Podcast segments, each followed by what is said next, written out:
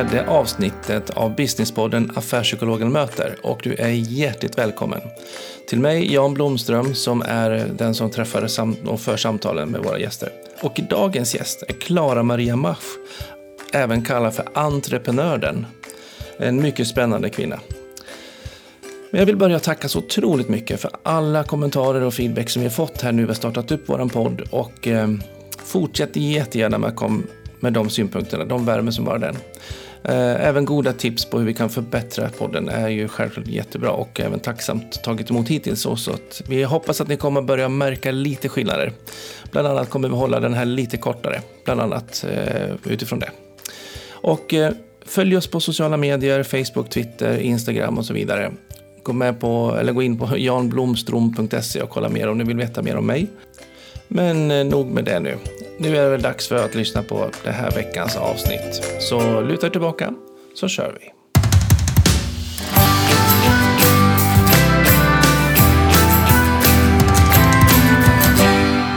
Ja, dagens gäst har gått ifrån att vara en riktig handbollsnörd till att vara en riktig entreprenör.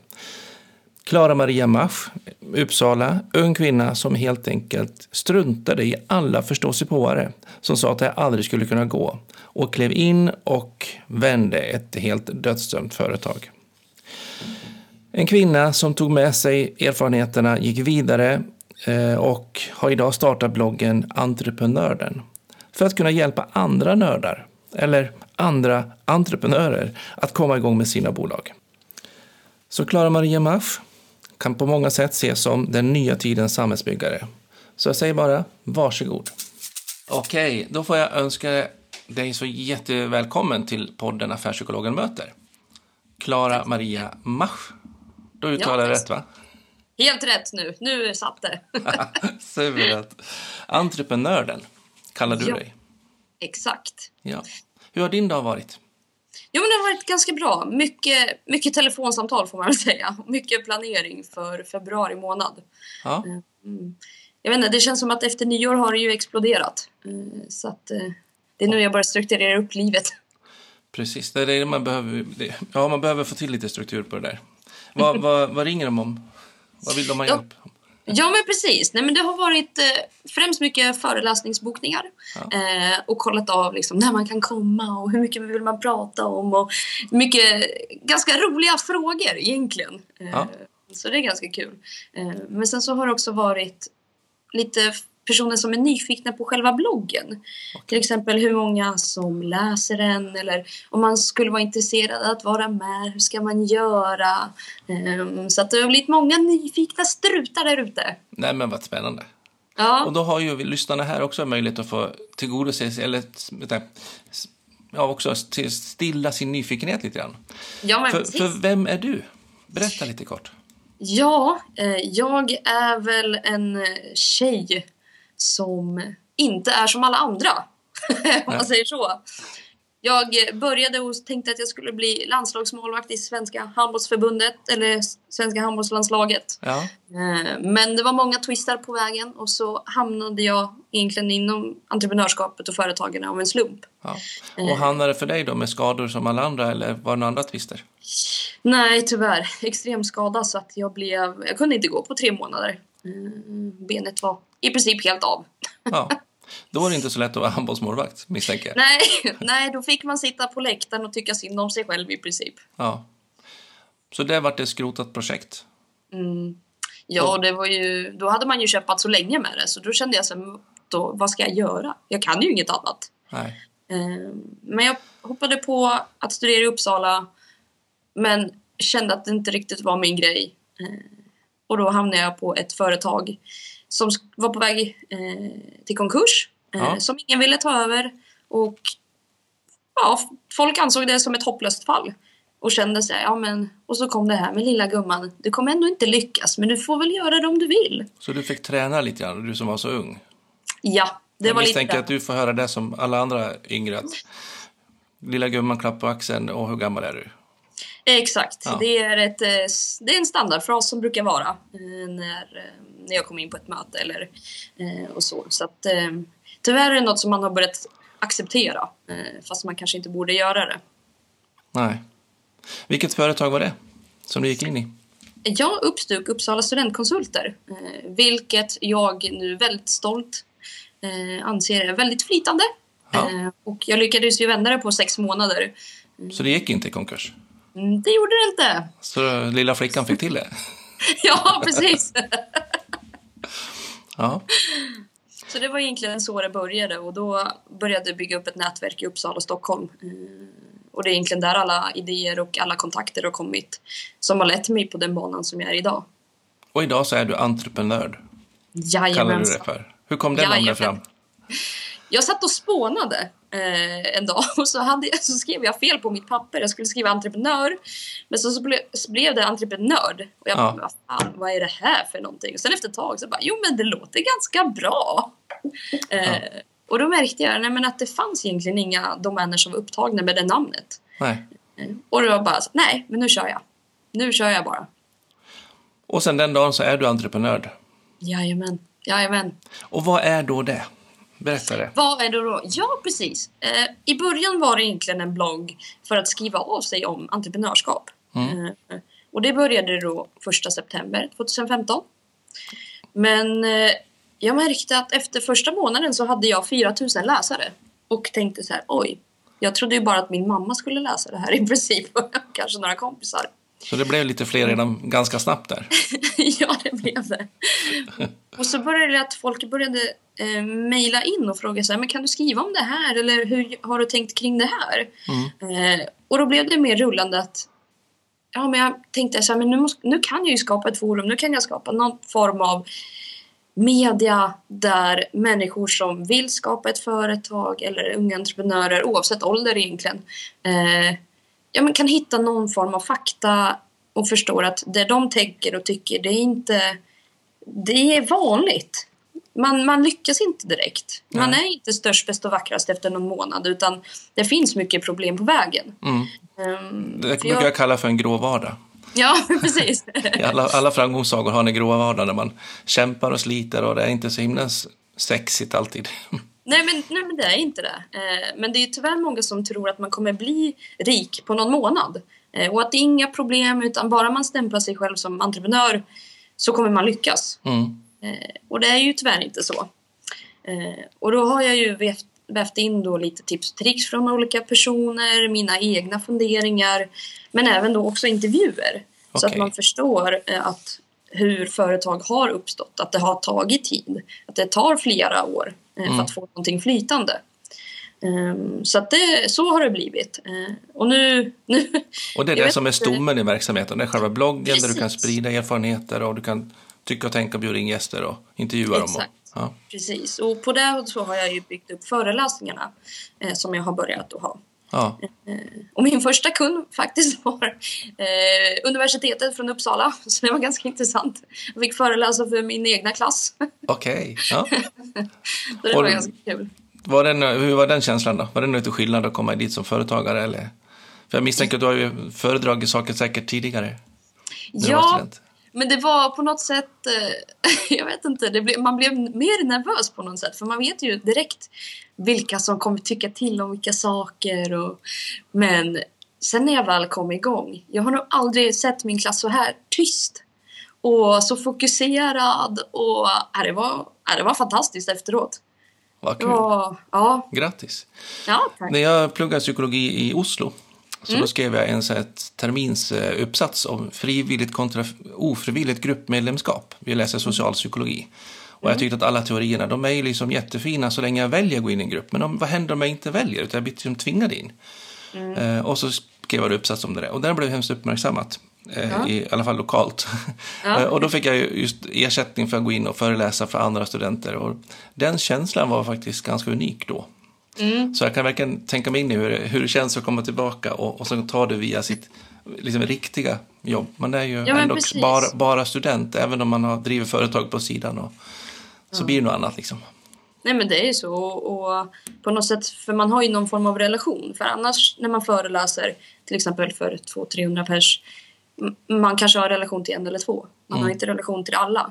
Men föreläser, föreläser man till sin egna, för sin egna klass så blir det ju att man har relation i princip till alla. Precis. Eh, och man känner ju till de här små tricksen och ticsen de har. Eh, Mm. När det är tråkigt eller spännande eller något sådär. Och de känner till dina.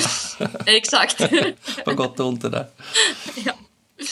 Ja men spännande. Så då är det bloggen i första hand och sen är det föreläsningar som du kör. Exakt, ja. Ja. Så vi får se, det kanske utvecklas mer. Jag har ju blivit sån att jag bara tar in när folk frågar. Man bara ja, ja, men det blir bra. Vi, vi hittar på något så får vi se. Har jag Ja. ingen lösning nu så blir det en lösning sen. ja. Så det är det som du känner också är ditt sätt att utveckla ditt företag? Eller hur, hur tänker du kring byggandet av din egen verksamhet nu framöver? Du du har inte hållit på så länge, första Nej. september, eh, och du har ju rullat på ganska snabbt sedan dess. Men, men liksom, hur, hur går Ja. dina tankar i, i bygget så att säga? Ja, men precis. Eh, Jag vill ju utveckla plattformen i princip eh, för forumet eh, och göra det lite större. Mm. För att göra det lite mer kanske communityaktigt. För de som vill ha mer specifika frågor, att de inte behöver mejla varje gång utan man kanske kan utveckla på det sättet. Mm. Men sen så vill jag ju utveckla och egentligen förmedla mer om det här med entreprenörskapet, eh, entreprenörskapet i, mer på gymnasiet och egentligen högstadiet. För man måste ju börja någonstans och jag kände mig väldigt ensam och utsatt egentligen när jag tog över bolaget som egentligen ingen trodde på. Mm. Och jag hade ingen att vända mig till. Och problemet i Sverige är ju att det är för få mentorer och för få affärscoacher. Och speciellt för unga personer. Mm. Då när man egentligen grundar sin, sin, sin problematik liksom, och sin, sina idéer och sina... Ja, precis. För det finns ju ett jättebra koncept, UF, här i Sverige. Eh, och Drivhuset som jag då har ett samarbete med. Mm. Men bryggan däremellan, eh, det finns egentligen ingen. Utan man måste på något sätt utveckla den. Eh, och det är väl där jag tänkte att jag prövar så får vi se vilka jag får med. Mm. Och hur tänker du med finansiering och sånt mot den målgruppen? För det är väl en, en av flaskhalsarna till, till varför inte är så Mm. Exakt. många där och, och, och är mentorer på det sättet. Precis. I alla fall Eh, inte kunna livnära sig på det. Nej, nej men det är ju så. Eh, och, jag har ju, och då hade jag ju tänkt att man ska fortsätta att ha egentligen finansiering via blogg och via föreläsningar. Mm. För att sedan kunna gå in och ha affärscoaching och mentor, eh, mentorskap Mm. eh, i princip nästan gratis eh, till unga. Ja. Så att det är väl där jag tänkte att man får väga upp skålarna på olika sätt. Mm. Eh, Men du vill i alla fall ha den skålen med fullt ut, liksom, som, eller som en, Ja. en viktig skål. precis, precis. Kul. Mm. All lycka till på den fronten. ja, tack. Ehm, Du sa att du gick in och tog tag i det där företaget som Mm. eh, var på väg att, att barka ut för. Eh, och så vände du det på sex månader. Och då blir självklart min fråga, vad, vad var mirakelmedicinen där? Vad var det du såg och vad var det du gjorde? Hur tänkte du? Hur, hur gjorde du liksom? Ja men precis. Alltså, jag hade ju inte läst någon form av alltså, kurser eller jag hade ju ingen förkunskap. Nej. Det enda jag var, det var väl extremt naiv och tänkte så här, men vad då? Varför ska man inte kunna lösa det här? Men jag märkte ganska snabbt att när jag, för då var det, vad var de? Det var ju tre anställda och sen så hade vi 60 konsulter under oss. Mm. Och jag förstod ganska snabbt att strukturen håller inte överhuvudtaget. Eh, och i princip det första jag gjorde, det var ju liksom alla försvann. Eh, eh, alla sa upp sig eller liksom avslutade. Så att jag var helt ensam. Jag var ensam på ett företag med 60 konsulter under mig. Ja. Eh, och kände så här, nej men för det första så, det finns ingen struktur. Eh, vi måste sätta upp en ordentlig struktur för en organisation om det ska hålla. Mm. Vilka delar är viktiga? Eh, vilka bör finnas tidigt och vilka kan komma in senare? Mm. Det som också var ett problem det var att det inte fanns några alltså, rutiner, normer eller regler. Mm. Utan varje person som kom in och blev anställd ett tag eh, gjorde lite på sitt sätt. Och sen så när den avslutade, ja då hade den inte lämnat över någonting utan nästa person fick komma in så att det blev väldigt många glapp och långa glapp. Och alla Att- konsulterna de var ute på, hos kunder och gjorde jobb där. Eller Ja, så det precis. var uppbyggt då. Ja. Mm. Och ibland så var de internkonsulter också. Men eftersom det inte fanns någon struktur eller någon form av regelverk så blev det mer rörligt eller rörigt än, ja, än att det hjälpte i princip. Mm. Så då var det väldigt mycket struktur, eh, alltså format, formativa regler, lägga upp ramverk, lägga upp ja, arbetssätt i princip som gjorde att man kunde eh, grena ut vad är problemet, vart är flaskhalsarna och sen utveckla därifrån. Så att det blev ju på något sätt, ja, börja från det stora och sen liksom tratta ner. Mm. Och det tror jag inte någon hade tänkt på innan utan det blev, det startade av två studenter. Eh, något år innan jag tog över. Ja. Och det blev ju mer som ett kul koncept. Eh, Men det var ingen som tänkte förvalta det i Nej. princip. Utan det där löser sig. Eh, Och det var det som var det största problemet. Att det löste ju sig inte utan man måste på något sätt, även om det är ett startup, så måste man ha någon form av mål, man måste ha visioner, man måste ha någonting att bearbeta och gå igenom för att se vad som funkar och inte funkar. För annars kommer man inte kunna växa överhuvudtaget. Så den här naiviteten som du hade när du gick in, Mm. den slutade du tydligen ganska snabbt med och började med struktur och målbyggnad istället. Ja, eller det är väl mer att eftersom jag hade väl den här naiva att det kommer funka. Medan alla andra hade, nej men skitsamma, har det inte funkat på två år nu så kan vi lika gärna lägga ner. Och jag var så här, nej, nej, nej. De har bara tänkt fel. Mm. Eh, Det var mer med den inställningen som jag hade och bara, nej men det kommer funka. Eh, Och då hade jag väl kanske inte tänkt på det här att man måste prata väldigt tätt med revisorn och hur funkar det med skatter och det här och jag tänkte bara äh, det där löser sig. Och det blev lite problem i början, jag hade väl missat lite skatter och grejer. Men eh, på något sätt så såg de väl att det började byggas upp en struktur eh, eh, och att intäkterna också kom in löpandes. Eh, Precis, så, så att de fick tilliten till att det där kommer Ja. ni att ro- an på något sätt i alla fall. Precis, precis. Så att jag hade ju mer så här, ja nej jag har ingen kunskap och ni som har kunskap ni bara är så tråkiga och har så tråkig inställning till livet så att det där ska jag lösa. Men eh, hänger det här, hur hänger det här ihop med, med, med bilden av att vara entreprenör? För ofta så, det jag tycker mig höra kring att entreprenörsrollen är ju liksom att ja, man startar igång och man hittar och man ser möjligheter överallt. Men man är ju, just det här att med struktur och, och förvaltandet är någonting som man kanske inte lägger i första king liksom. Nej precis och jag, jag tror inte jag såg mig själv som entreprenör i början. Ehm, för jag tog ju uppehåll från mina studier som jag inte alls trivdes med. Eh, och tog det här som ett projekt som, som jag ja, kände att jag ville göra. Eh, och då hade jag nog ingen kunskap om varken vara entreprenör eller företagare eller vad det innebar. Eh, men när jag väl började se möjligheterna med företaget Ja, och när det väl strukturen satte sig på plats eh, och man hade någon form av bra dialog med styrelsen så det var ju då jag började tänka fritt. mm, Och då jag började liksom, jaha men så här kan man ju också göra. Och så här kan man göra. Och eftersom jag var själv första halvåret ehm, så lyckades jag ju liksom vara så här, nej men idag, nej men idag måste vi inte ha några möten, idag kan vi sitta och spåna idéer och så kan vi göra det här. Så att jag hade väldigt mycket di- dialog med styrelsen att så här, nej men nu hittar jag på det här. Visst är, visst är ni okej med det här? Och de bara, ja ja visst, visst, kör. Ehm, så efter att strukturen satt sig, då var ju då jag släppte på allt. eh, Ja. Tror jag. Så att på något sätt, jag gick från strikt företagare till entreprenör på ett halvår. Eh, och eh, struntade kanske ganska mycket i, i eh, fortsättning av strukturen och utan lät någon annan ta hand om det. Um, för var jag tyckte inte det var kul. nej. Och det där är någonting jag tycker man märker hos många också. De som är hemskt kreativa eller entreprenöriga och byggiga. Eh, så, så visst gör man saker som behövs med typ med struktur, men det är inte alltid man, man har energin där. Eh, Nej. och det, då är det ju, tycker jag, det smartigaste är när man i alla fall har sett vinsten av att ha det. Och sen så får man någon annan att liksom ansvara för det om man inte har det naturligt i sig själv. Ja, för det tyckte jag behövdes. För att när jag väl såg att, att eller jag blir ju rätt lätt uttråkad om det blir någon form av samma typ av gamla vana och det, arbetsdagen ser exakt likadan ut. Ehm, Så jag märkte ju väldigt fort att när väl strukturen fanns där på plats så tyckte jag det var ju tråkigt för då hade jag ju klart mitt. Eh, Och då ville jag ju hålla på med annat. Eh, och det var där alla de här projekten kom igång att bra men då kan jag göra lite så här så kan jag göra lite så här men då behöver jag inte göra den här längre. Nej. Ehm, men alla projekt gick väl inte in i hand heller så att eh, ja. Vilket är ju ganska vanligt, ja. ja. Jag brukar se det som en squashhall nämligen. En or- en organisation är som en squashhall för mig. Där det finns en tydlig struktur och det finns liksom ramar och det finns liksom formalierna kring det. Då är det som en squashhall med, med sina cementväggar. Då kan man ta i och drämma squashbollen med all sin kraft. Och man kan liksom fara och flänga och man kan liksom vara helt, gå all in och helt crazy. För man vet att strukturen fångar upp, strukturen håller. Jag behöver liksom inte vara rädd för det.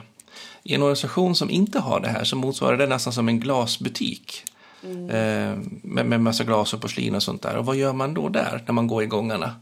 Då ja, håller man ju armarna tätt mot kroppen och man vågar inte tänka ja. något nytt och man är livrädd att putta till någonting så att någon ska rasa. För då tål inte strukturen. Och, och, jag, och som... det, det, är något som jag har märkt väldigt ofta nu eh, när man har pratat med startups. Att man vågar inte gå från glasburen till en squashhall i princip. De är förlåsta. De tror att de själva kommer skada sig på vägen eller att det är något annat som händer. Mm. Eh, och det är där man försöker lyfta, eller jag vill lyfta fram att det är inte så svårt. Och trivs du inte i din squashhall kan du alltid gå tillbaks till glasburen. Men eh, det kommer du troligen inte göra. Nej. Blir det ett problem som du ser att många unga entreprenörer och som startar igång, att de är för rädda att bli för byråkratiska? Är det där man är rädd för? Eller vad, vad, vad står det där för? Ja, men både och. Man får ju höra väldigt ofta att det är, man, ja, men nu är det ju populärt att ha en platt organisation och man ska inte ha någon form av struktur på det viset och alla ska ha ja, men samma typ av hierarkiställning och det ska vara mycket dialog fram och tillbaka och då är man så rädd att trampa någon på tårna. Mm. Eh, och på något sätt, man får ju inte höra egentligen hur de andra har haft det. Eh, man lyfter ju bara upp succéentreprenörer men de berättar ju egentligen aldrig bakgrunden. Nej. Och då får man ju, då blir det som ung så kopplar man ihop liksom ett plus ett. Ja men då har de ju gjort likadant och de har ju lyckats och det har ju gått bra för dem. Mm. Um, och så lyfter de också fram det här kreativa, fina, fria, mm. härliga, öppna. Mm. Ja men precis. Eh, och det är där jag tror att det är många som gör samma fel som de här killarna gjorde som startade Uppstuk. Att, ja, men, ja men vi ska ju vara så himla kreativa och fria och öppna. Mm. Eh, men vi släpper allt. Eh, men på något sätt så måste det finnas någon form av grund för att kunna släppa det. Mm. Eh, och det är det många som inte ser det. Eh, och jag tror att man tänker på något sätt att nej men, nej men det behövs ju inte, det har ju så gått bra så hittills. Och, men när man väl börjar starta ett aktiebolag eller liknande så är det många regler som man bör följa mm. eh, och förhålla sig till. Som, det, ja. ja, för jag kan ju känna mig lite så här äh, traditionell ur en aspekt. För att man har ju ändå varit ganska entreprenörisk genom livet. Och, mm. eh, men, men liksom, eh, samtidigt så har jag ju sett liksom vinsten av att man behöver se till att momsdeklarationerna funkar. Att att man har liksom löner och rapporter och att man liksom redovisar i system och att man gör alla sådana deklarationer och allting sånt. Och den där sidan, vissa, vissa kommer med sin plastkasse till revisorn och lös, gör det, gör någonting, ja. försök ja, hitta precis. något i den där. eh, och någonstans så går väl att driva företag kanske så också. Men det blir som skillnad i att bygga företag och mm. verksamhet eller att, att vara den här entreprenöriga eh, som, som, som får all bränsle från själva innehållet i verksamheten. Mm, ja, eh. och det, det tror jag också är så svårt att eh, när man är så ung, om man kommer direkt från gymnasiet eller sådär, man har ju så stor respekt eh, för till exempel mentorer om det skulle vara då personer som är uppe i 50-60. Mm. Eh, att man har så stor respekt att man vågar inte tänka outside the box. Utan man har ju läst kanske böcker om entreprenörer, man kanske har sett någon dokumentär eller något liknande och så fastnar man i det tänket. Mm. Så på något sätt man blir entreprenör fast i en låda. Och det tycker jag är så svårt att man måste bryta sig loss, att man behöver inte vara som alla andra. Att vara entreprenör är ju att vara sig själv mm. och, och lita på sig själv. Men det är många som inte vågar göra det. Eh, utan, utan på något sätt de stannar till och vill göra som de äldre, om man säger så. Mm. Men problemet också med sådana entreprenörer som bara går med en kasse till revisorn. Frågan är ju också om de vill växa eller om de är nöjda med den tillvaron de har. Mm. För det kan ju vara så att äh, men det funkar som det är och jag behöver inte växa utan nej, men tillvaron är ändå helt okej. Okay. Mm. Eh, men vill man växa så måste man ha någon form av motpol som gör att ja, men på något sätt att ja, men jag tar hand om de här tråkiga sakerna enligt dig så får du vara kreativ. Eh, men vi måste fortfarande ha någon form av bas att stå på. Mm. Eh, och det tror jag att jag anställde en väldigt bra ekonomichef då till mig själv som var extremt strukturerad. Mm. Eh, som, som gjorde i princip allt jag inte tänkte på.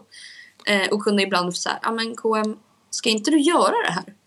Ska inte du skriva under de här papperna? Ah, just det, ja, ja, jo, men, jo, men jag fixar, jag fixar. Och så kunde det vara så ganska många gånger. Men du, de här papperna, har du fixat de här? Mm. Ah, jag ska iväg på en möte eller nätverk, eller jag ska iväg och mingla lite. Jo, men jag, ja, men jag fixar, jag fixar. Att, Men det är mycket roligare att gå på mingelträffen än på att skriva under det där pappret. ja, Men bägge två är verkligen- jätteviktiga. Precis. Jag hade en, ett av mina tidigare företag så, så hade jag en administratör som inte jobbade i för sig så länge hos mig, men ett tag i alla fall. Mm. Och hon var hemskt kreativ eh, och lite entreprenörig tror jag. Eh, men bara att de konterar fakturorna så hamnar ju som kostnad på ett konto under en viss period. Men sen ville hon hitta på lite nytt och så, så plötsligt hamnar hon på en annan typ av konto. Ja, ja, den där. Ja, det är ganska, det är läskigt. ja, men det var hemskt kreativt. Men det var ju inte så enkelt. Just med ekonomin så då ska det ju vara lite mer ordning och reda och Jo, lite jo så som precis. det ska. Ja, det är fascinerande det. Men det också visar ju på vad viktigt det är att man som entreprenör, tänker jag, samarbetar med olika typer av egenskaper. För jag tror inte att, eller min bild i alla fall, att man in, alla passar inte att vara så entreprenöriga. Nej, jag håller med. Och, och för mig blir det någonstans kanske också en skillnad i att vara entreprenör kontra att vara företagare bara. Bara för att man har ett företag betyder inte att jag är entreprenör. Exakt. Utan man kanske är ganska obyggig, om man säger så. Utan man är nöjd att få mat på bordet och man liksom ja, har råd med det lilla man vill. Liksom. Eh, och sen så, så har man ingen större ambition, som du säger med, med kassen. Liksom, att det, det är good enough.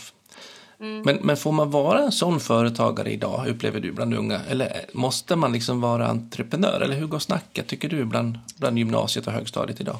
Ja, alltså när man har pratat, folk ser ju upp till entreprenörer. Det är jättehäftigt. Ja, det är, jättehett. hypat som bara den. Liksom. Ja, men det är ingen som vet vad det är. När man väl frågar någon. Eh, bara, "Ja, men vad är en entreprenör för dig? Ja, det är någon som är rik, som har startat företag och gör det här. Man, men vad är skillnaden med företagen där? Nej, men det är samma sak. Mm. Och då är det så här, men vill du driva företag eller vill du vara entreprenör? För att en entreprenör, då är det inte många som är superrika. I alla fall inte i början. Nej, men många som jobbar har oftast hemskt mycket. ja, men precis, exakt. Eh, Jag så som psykolog på, på läns rehabiliteringsmedicin tidigare. Mm. Jag är i grunden är jag neuropsykolog när man är i botten innan jag blev affärspsykolog. Så jag jobbar med, med trafikolyckor mycket.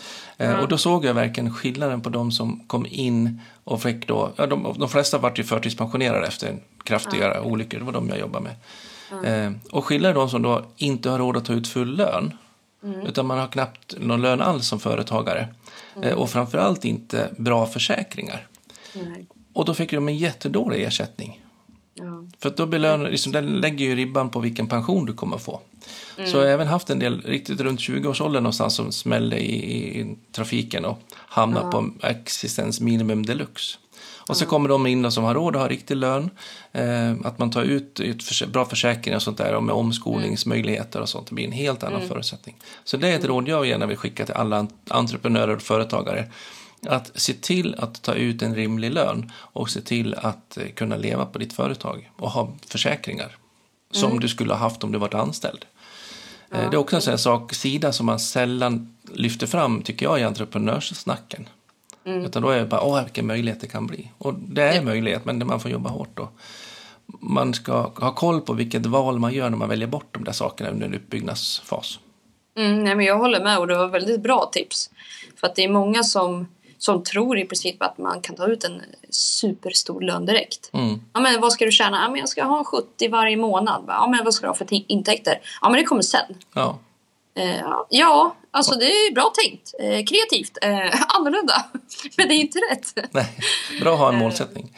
Ja, men precis. Fast man får Och jobba var- en del för att få 70 000 i, i, i månadslön. Precis. Eh, Det är inte många som, som gör det direkt liksom under de första tio åren. Nej, Men- knappt någonsin. Ja, men precis. Eh, och då var det också så att jag läste en artikel. Eh, det måste ha varit nu i höstas. Där de hade intervjuat då eh, två olika eh, ålderskategorier. 20 till 30 och så var det tror jag 50-60. Och så frågar de så här, men vill du vara entreprenör eller vill du vara VD? Mm. Det är ganska spännande för att man blir ju ofta VD på ett bo- bolag när man är entreprenör. Men ålders, den yngsta då, 2030, alla ville vara entreprenörer i princip. Jag tror att statistiken var nästan 85. Eh, men det var ingen som ville vara VD. Nej. det vill de absolut inte vara. Och då var det ju då tvärtom då, på den, eh, i den äldre gruppen. Och så Mm. började man diskutera egentligen vad, vad är skillnaden? Att du kan vara vd på ett bolag, då är du företagare. Mm. Men du behöver inte vara entreprenör som du sa förut. Nej. Men att det har blivit en liten snedvridning i samhället. Att man tänker att man är entreprenör. Men sen är man inte så mycket mer. Man kan ju sitta och hitta på massa idéer. Mm. Eh, bli rik på det. Men sen behöver man inte ta hand om någonting. Ja, en, eh, en av mina gäster här i podden eh, som eh, precis har sänds nu, det här sänds så att den har inte kommit Ja. än. Jag kan inte säga det just nu. eh, men han har ju gett sparken eh, till sig själv som entreprenör. Eh, så han var ju vd i början, precis som du säger, att man oftast hamnar i den rollen. Men insåg ju någonstans också, för det är det att som vd behöver man ju, som högsta chef behöver man ju i alla fall se till att det formalian funkar. Och är man för mycket entreprenörig så har man ju inte full kärlek kanske till den sidan. Så han plockade in en som var bättre och gav Ja. sig själv sparken som, som vd. Och det är också tycker jag en styrka så, som, som entreprenör att, att våga göra de val som är bäst för företaget. Och inte göra för mycket till min egen bebis. Nej men precis och det hade väl jag lite svårt att släppa med för att jag avslutade min, eh, min VD-tjänst i november förra året. Eh, och det var jättesvårt. För jag hade ju byggt upp det här företaget nästan två och ett halvt år då. Mm. Eh, och så var det så här, men va? Hur? På något sätt, det kändes bara fel. Hur, ska, hur ska det vara imorgon när jag inte, när jag inte behöver komma hit? Och sådär. Eh, men det var ju samma sak där, att på något sätt företaget blev ju lite mer det, det var liksom stannat på något sätt i tillväxten och det behövdes ju någon mer. Mm. Och jag märkte ju själv att, ja, men som jag sa tidigare, att jag blir ju lite uttråkad om det är samma typ av arbetsuppgifter hela tiden. Eh, att jag hade ju redan börjat små, små jobba med bloggen och, och det var ju där det drog lite mer. Eh, så det, var ju, det var ju rätt. Men det är jättesvårt. Eh, och teoretiskt är det ju jättelätt att säga så, ja, men när tiden är inne då ska du avgå eller något liknande. Men det är inte så lätt. Speciellt inte när man har byggt upp från första kronan. Liksom. Eh, Och lagt hela sin själ i det. Ja men precis, alltså då var det ju så att eh, väldigt mycket av privatlivet blir ju lidande.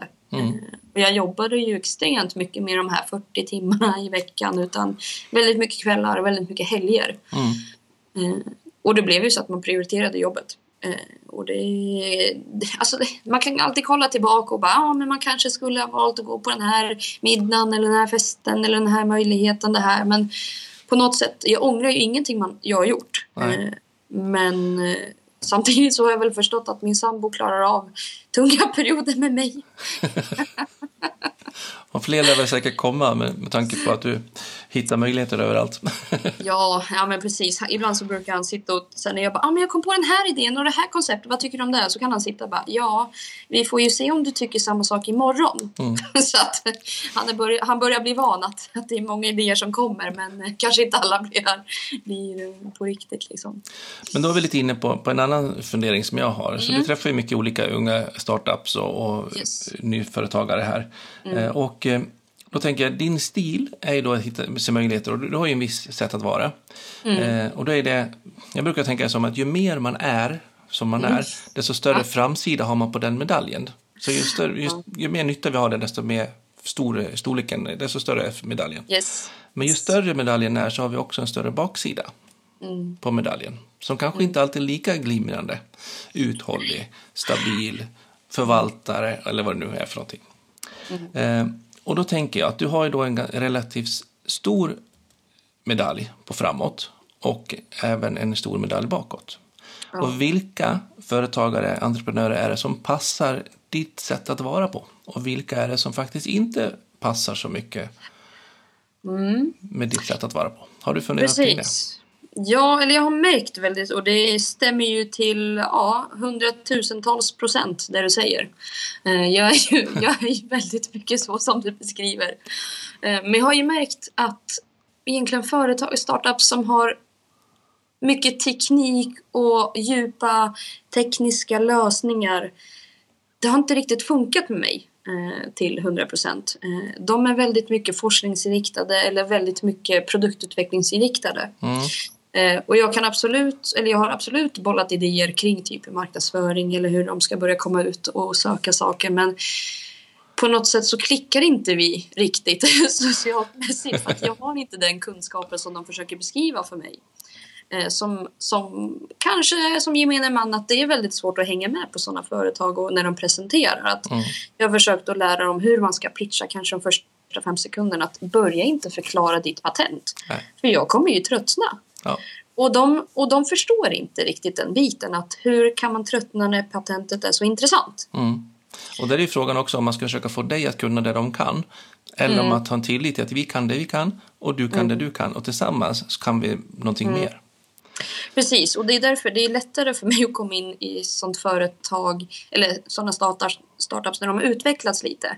När de väl har börjat etablera ett större nätverk och förstått egentligen vad det innebär. Mm. Men precis i början är det jättesvårt att försöka bryta den här förståelsen på vad, vad som är viktigt. Mm. Uh, för jag intervjuade en, en, en tjej som sa att alltså, en entreprenör eller ett företag finns inte om inte kunden inte finns. Nej. Man måste ha en kund för att finnas och förstår man inte kunden och sätter man inte den i fokus eh, så finns man ju inte. Mm. Och att få in det tänket eh, är jättelätt för mig för många företag som inte har de här djupa tekniska lösningarna. Eh, utan vi sitter och pratar väldigt mycket hur de tänker och sådär. Men annars kan det bli väldigt mycket patent som sagt. Mm. Eh, väldigt mycket licenstänk innan man börjar fokusera på egentligen grunderna i ett företag. Mm. Eh, och ja. Så då är det liksom själva företagsutvecklingen som du går in och passar bäst på, mer än själva hantverket i verksamheten? Exakt, exakt. Eh, så det har varit väldigt mycket egentligen utvecklingen och hur man ska tänka för att sedan komma vidare till nästa steg. Mm. Eh, den biten som har varit. Eh, sen tänker jag lite också med olika personligheter. Som psykolog så är man ju inne på, mm. på tester och, och sånt där många gånger. Ja. och, och, och, just också att man är man en mer intro, introvert person, lite eftertänksam och lite mer nördig i detaljer. Mm. Då tänker jag mig också att då blir man bara stressad kanske också om man ser möjligheter överallt. Men det kom ju upp en möjlighet förra veckan också och igår kom det upp en och idag också. Hur ska jag hinna med ja. allt det här? Mm. Men andra kategorier personer som, som är mer utåtriktade, hoppar och vi mm. provar och vi testar och vi, mm. vi vet väl efteråt om det var bra eller inte. Den ja, personen precis. går igång, tänker jag, tusen procent. Ja. Och det där och... är någonting som, som jag tycker är intressant också när man är med de här unga för, eller nystartarna. Att man vågar vara, som du sa, att man, man, man är rädd att säga emot de, de mm. äldre och etablerade. Mm. Eh, men att man vågar se på vad, är det jag behöver för typ av inspiration. Mm. Eh, vad är det för typ av stöd jag behöver? Vad är det som passar mig som, som, mm. som kund hos dig då eller ja, samarbetspartner i, i, näringslivet liksom. Mm. Så att man bygger sitt eget team runt sig. Ja. Um, och då och det, ja. tänker jag lite också i din, nu babblar jag på här känner jag, men, men ja, i, i, din, i din roll också med, med liksom att verkligen bottna i, i liksom, vad är det som är min styrka och, mm. och verkligen ha det som en del i, i, i lotsningen framför företagarna. Mm. Precis, för att i, när, när jag byggde upp Uppstuk mm, så började vi att köra personlighetstester och väldigt mycket se egentligen vad det är för typ av personer. Mm. Uh, för, jag, för jag förstod ju så här, ja, men jag kan ju inte ha en ekonomichef som är exakt likadan som mig. Det kommer ju aldrig funka. Då kommer ju företaget kollapsa i princip. Ja. Uh, och då var det de här fyra vanliga rutorna. Man ska vara grön och blå och röd och gul. Mm. Och på något sätt så när vi väl gjorde eh, test. Vi gjorde ett test då inför alla intervjuer och sen så gjorde vi ett test faktiskt i augusti. Mm. Och alltså det var ju helt klockrent. Vi hade minst en i varje ruta och det var liksom på något sätt, jag vet inte, jag ger mig själv inte guldstjärna och min HR-chef som hjälpte till med så himla mycket att, att vi lyckades så bra på något sätt. Ja. Eh, och att vi alla kompletterade varandra. Jättebra. Och det, och det blir ju på något sätt att när jag väl kliver in och, eller diskuterar bara med företag som ska starta så har jag, jag vet inte, man backar ju in på något sätt och försöker ja, men anpassa sig väldigt mycket. Mm. Jag är ju extremt extrovert. Eh, och då blir det ju på något sätt, möter man sådana som är exakt likadana. Det är då jag börjar backa undan, även om det kanske inte är den första profilen jag har. Eh, men man måste ju också vara den som drar tillbaks. För att om man själv har en mentor eh, som är exakt likadan, mm. Eh, då tror jag också att det kommer kollapsa lite. Ja. Um, så man måste ha någon bo- alltså en konkurrens istället. Vem är ja, men precis. sista ordet? ja, exakt. Nej, men så det är ju väldigt ofta så att att jag vill ju hjälpa, alltså för mig, jag har inga problem egentligen att gå in och hjälpa företag med tyngre tekniska lösningar. Men det krävs mer energi och mer tid Mm. eh, för att kunna anpassa sig. Mm. Eh, för att hitta balansen mellan, som du sa, lite nördiga personer eh, blir på något sätt att man måste pröva så många olika typer av sig själv Mm. för att försöka nå fram med någon form av kommunikation. Eh, Men när man möter en som är väldigt lik sig själv då vet man själv lite hur man funkar och hur man skulle tänka. Mm. Eh, Men det är jättesvår balans överlag. Men, Men det är otroligt att- spännande. Ja, men det är ju det. och det är ju typ en av de roliga grejerna som är att hjälpa företag. Mm. Och verkligen jag- lyfta fram och se vad är de, vad, vad, hur behöver man komplettera dem för att de ska Precis. förverkliga sin, sin idé. Du, jag, jag br- testar en annan sak på dig. Mm. Eh, jag brukar säga att, eh, att, att företag som lyckas, det är de företag som har förändring som kärnverksamhet.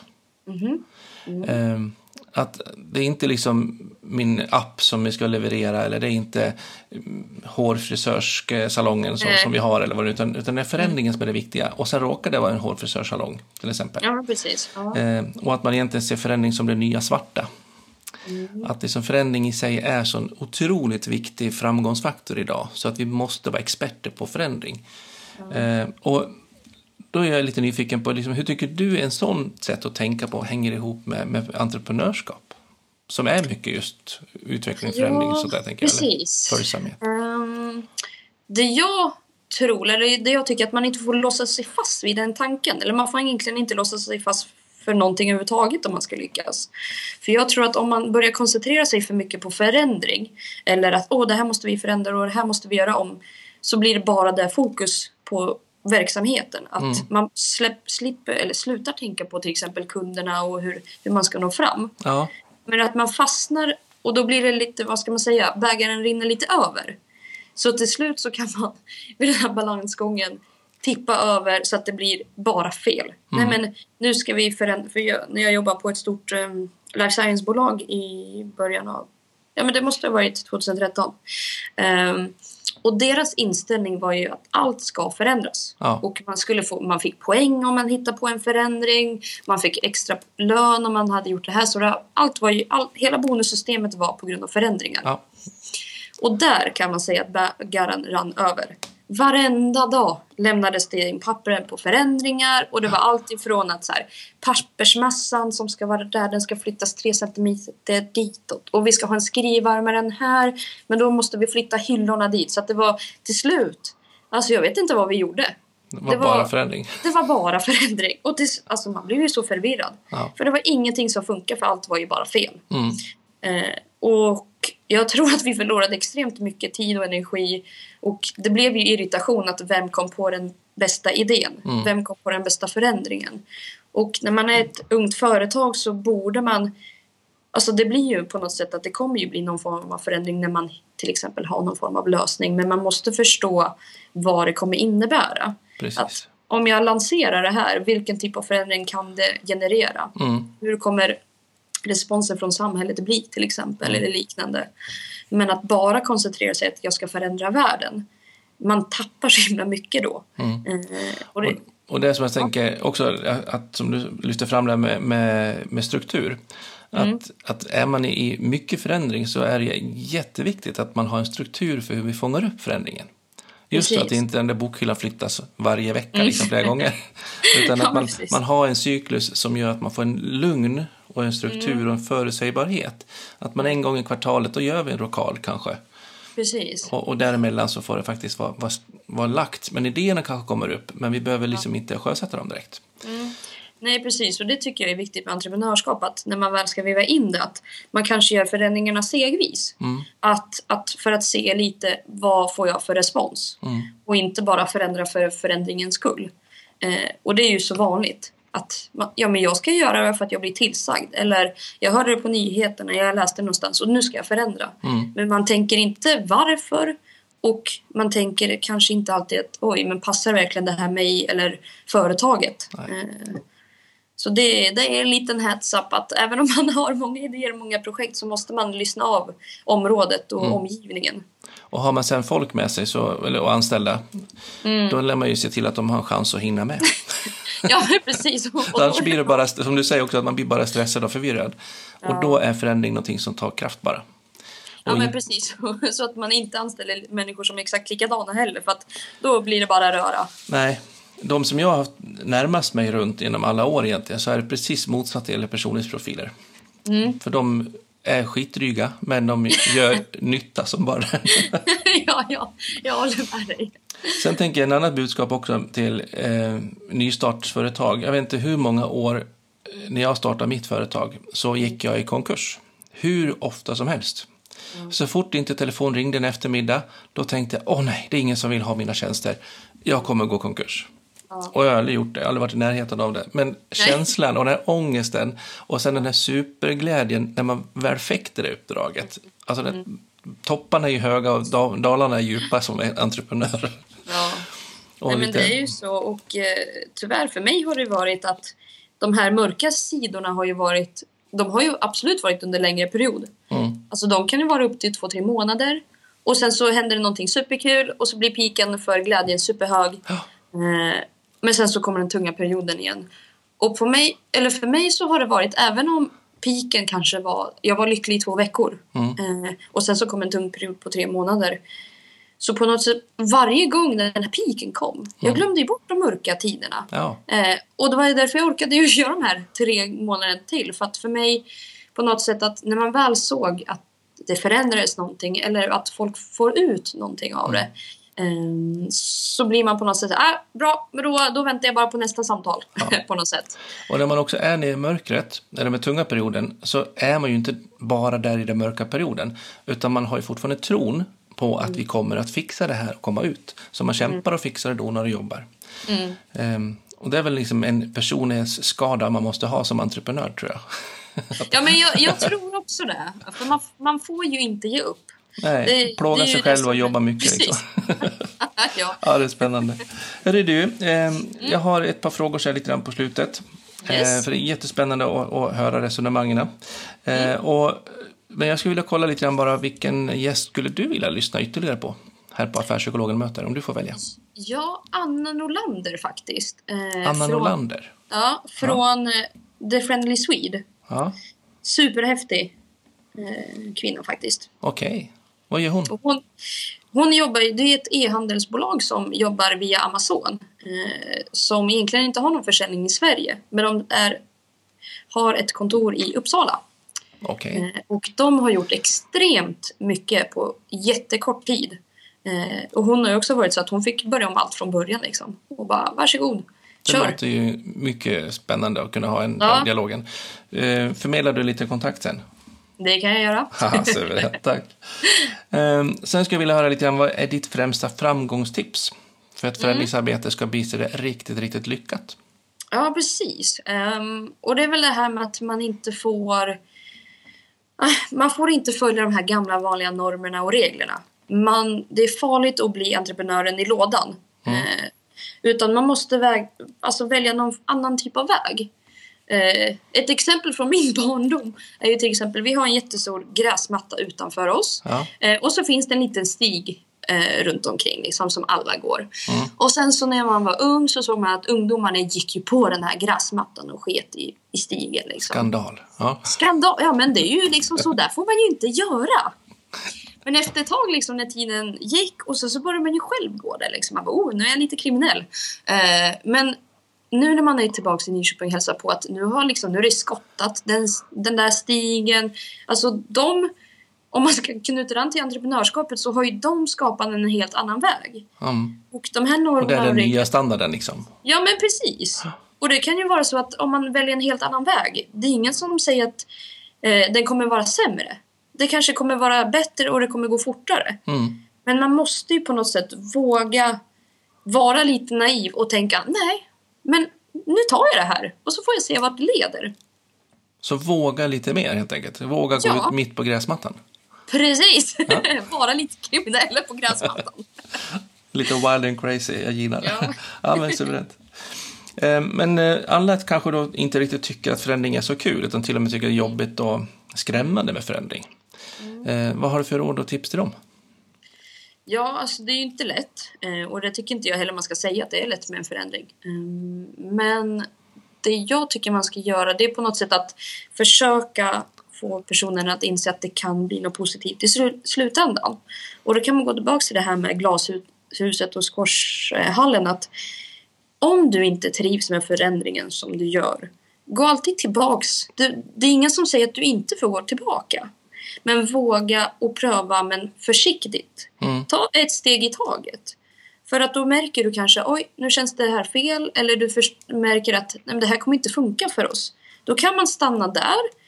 Eller så väljer man en helt annan väg. Eller så går man tillbaka. Mm. Men att man gör det försiktigt. Det behöver inte vara stora förändringar. Du kan till exempel, ja, som jag hade en tjej. Eh, vi ändrade bara strukturen i kontoret. Vi mm. flyttade skrivbordet och, bo, eh, och stolen på ett helt annat sätt. För mm. att se, men känns det här okej? Okay? Ja, men det kändes okej. Okay. Men då tog vi nästa steg. Men att, att, att kasta ut, ska, äh, köpa eller hyra ett helt nytt kontor, det behöver man inte göra direkt. Nej. Men vi kan ändra lite i taget. Så börja i det lilla, lilla liksom? Precis. Mm. Jag har skrivit en bok som heter Chefen som personlig tränare. Mm. Eh, och just det här med att förändring kan göra ont. Eh, ja, och, jag, och, jag, ser det som ett träningspass på gymmet. Jag brukar säga ja. att man ska ha mental träningsverk. Att göra en förändring, ja. det är ungefär att gå på gymmet och jag kan spotta och spä och, och jag stonkar och flåsar och har mig. Och efteråt har jag sån träningsvärk så jag kan inte gå. Alltså det är ju ingen hit när man är där. Men efteråt så har jag faktiskt fått lite bättre kondition, lite bättre muskelmassa och faktiskt kan stå bättre rustad inför nästa steg. Precis, precis. Um, och då får man faktiskt börja i det lilla om man är lite otränad på det området. Exakt. Väger 180 kilo så ja. kanske jag inte behöver springa 10 kilometer första passet. Nej, du behöver inte vara biffen på gymmet direkt. Liksom. Nej, precis. Det kommer nästa vecka. ja, exakt. ja, vad spännande. Du, ehm, eh, en liten sista fråga så här ytterligare. Mm. Yes.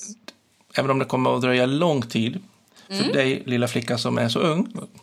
Nu, nu ja. var jag lite ironisk där eftersom du lyfte upp det i början. Ursäkt för alla lyssnare. Eh, men den dagen som, när den dagen kommer, vad kommer att stå på din gravsten? Oj. Ja, entreprenören som gjorde Sverige rikare. Coolt. Mm. Då um, ser jag mig som en del av Sverige. Så jag hoppas att jag blir rik och framgångsrik ja, precis. Jag tycker det var mycket spännande att få ta del av dina tankar och funderingar kring det här med entreprenörskap. Tack så jättemycket. Jag önskar dig all lycka till med blogg. Eh, och webbadressen till den är? www.entreprenorden.se Och du finns på sociala nätverk också? Jajamensan. Ja. Så det är bara att följa och eh, inspireras. Ja, tack så jättemycket. Tusen tack och eh, på återhörande. Hej! Hej!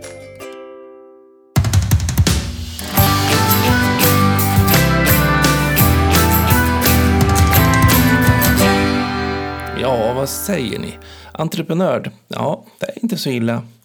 Uh, gillar också att de faktiskt uh, har sett det här med vinsten av att ha strukturer. För det är någonting som jag också brinner mycket av och ser behovet av hos många som är otroligt entreprenöriga. Behöver verkligen också den andra sidan. Uh, jättespännande tycker jag att få ta del av hennes resonemang. Och ehm, ska vi vara riktigt ärliga, så visst sjuttsiken är det rejält mycket roligare att vara lite olagliga och springa mitt över gräsmattan och skapa lite nya gångstigar istället för att följa allt som är inövt. Jag brukar själv säga att istället, om jag kan välja mellan att gå den ena eller andra stigen så väljer jag hellre att gå i, mitt i blåbärsriset. Och till slut så blir det en stig även där. Ehm, min första bok döpte jag till Talang accelererande ledarskap. Ett ord som knappt någon kunde uttala, knappt mig själv. Men eh, jag tyckte att den gav också en otrolig signal på vad det faktiskt handlar om. Att cheferna ska öka talangerna och accelerera och gasa på dem helt enkelt. Så istället för att välja de, bland de stigar som fanns så blev det en stig mitt, eller ja, i alla fall börja gå rakt i mitt i blåbärssteget. Oh, vad heter det? Blåbärsriset skulle jag säga. Ehm, och nu är det ju faktiskt en stig även där. Så um, hoppas att ni har en fortsatt traskande tvärs över gräsmattor och blåbärsris till nästa gång. Så eh, hörs vi om 14 dagar. Ha det så jättebra. Hej!